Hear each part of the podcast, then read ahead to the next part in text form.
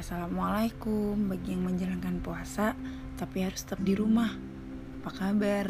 Semoga baik-baik ya.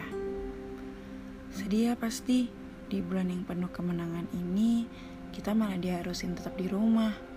Padahal bisa aja kita nongkrong, ngabuburit, bangunin sahur sekomplek, taraweh di masjid. Dan pasti udah pada padet nih jadwal bukber di kalender. Gak apa-apa, Jangan sedih ya, bumi sedang sakit. Kita doakan aja biar cepat sembuh. Hmm, tentang di rumah aja. Ini gue mau share gimana kita harus bersyukur. Walau dipaksa di rumah aja, pokoknya tetap harus bersyukur. Kalian pasti ada yang sebel deh. Kalian ada uang buat ngabuburit sama temen bukber sama semua list angkatan yang kalian punya atau mungkin udah bisa pada beli kain buat jahit baju kembar sekeluarga. Menurut gue, hashtag di rumah aja gue tahun ini, di bulan Ramadan ini, jadi ngingetin gue sama Ramadan tiga atau empat tahun yang lalu. Ramadan bulan ini, walau di rumah aja, di hari pertama, sahur dan buka gue dan keluarga masih dikasih kesempatan sama Tuhan buat makan makanan enak versi kami. Hashtag di rumah aja bulan ini bagi kami, bagi gue dan adik-adik gue dan nyokap gue adalah satu berkah yang selalu ingetin kita kalau dengan keadaan kayak gini jauh lebih baik daripada tiga atau empat tahun kemarin itu. Kalian tahu kenapa? Tiga atau empat tahun kemarin adalah saat di mana kerjaan almarhum bokap gue lagi hancur-hancurnya. Gue aja ke kampus sulit banget. Padahal cuma butuh duit bensin. Paling gak nyampe 20 ribu. Tapi bokap gak bisa ngasih. Mau tahu nggak menu lebaran kita pas Ramadan itu apa? Coba kalau orang-orang opor, rendang, ketupat, nggak tahu deh berapa banyak kan ketupatnya. Kue yang melimpah ruah. Oh iya, jangan lupa angpau. Nikmat ya, Insya Allah. Dan kalian tahu nggak menu kami apa?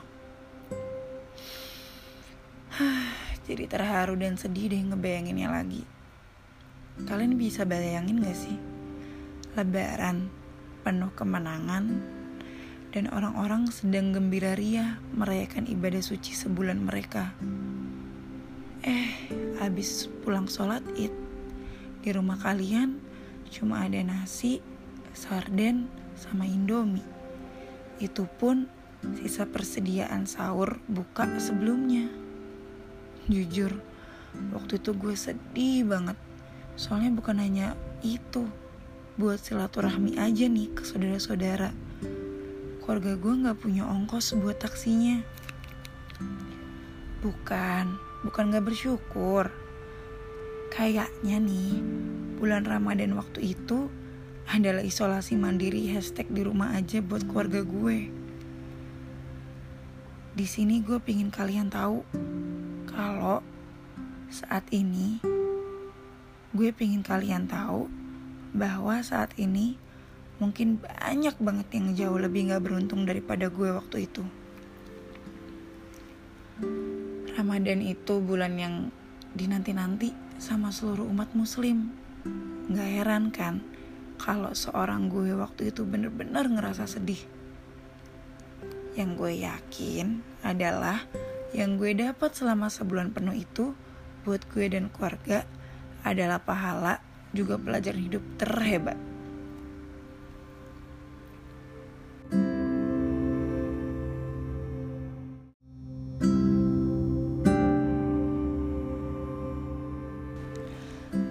Pelajaran hidupnya adalah kalau nggak semua perjuangan pahala dan hadiahnya harus dirasain di akhir hari. Bisa jadi Tuhan ngumpulin dulu semuanya jadi yang kemarin-kemarin belum dikasih, malah mungkin dikasihnya tahun ini. Siapa yang tahu kan? Jadi buat kalian yang bosan banget di rumah, bosan banget nggak bisa bukber, biar senang, anggap aja kalian disuruh puasa di rumah sama Tuhan karena Tuhan mau kasih kita pahala dua kali lipat karena kita semua juga menggandakan ibadah kita di rumah. Bener gak sih? Um, pokoknya bersyukur aja deh. Gak semua orang bisa ngerasain apa yang kita rasain sekarang.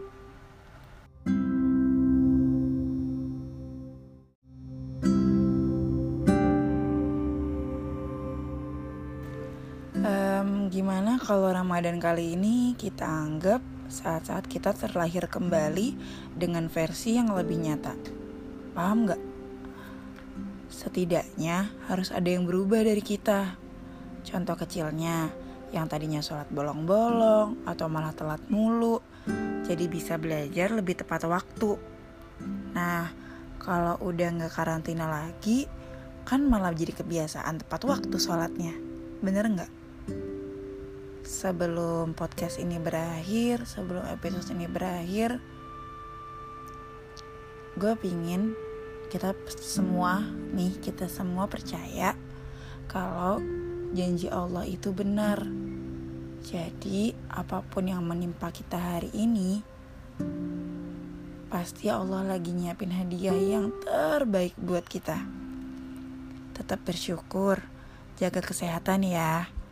Jangan lupa gue sayang banget sama kalian. thank you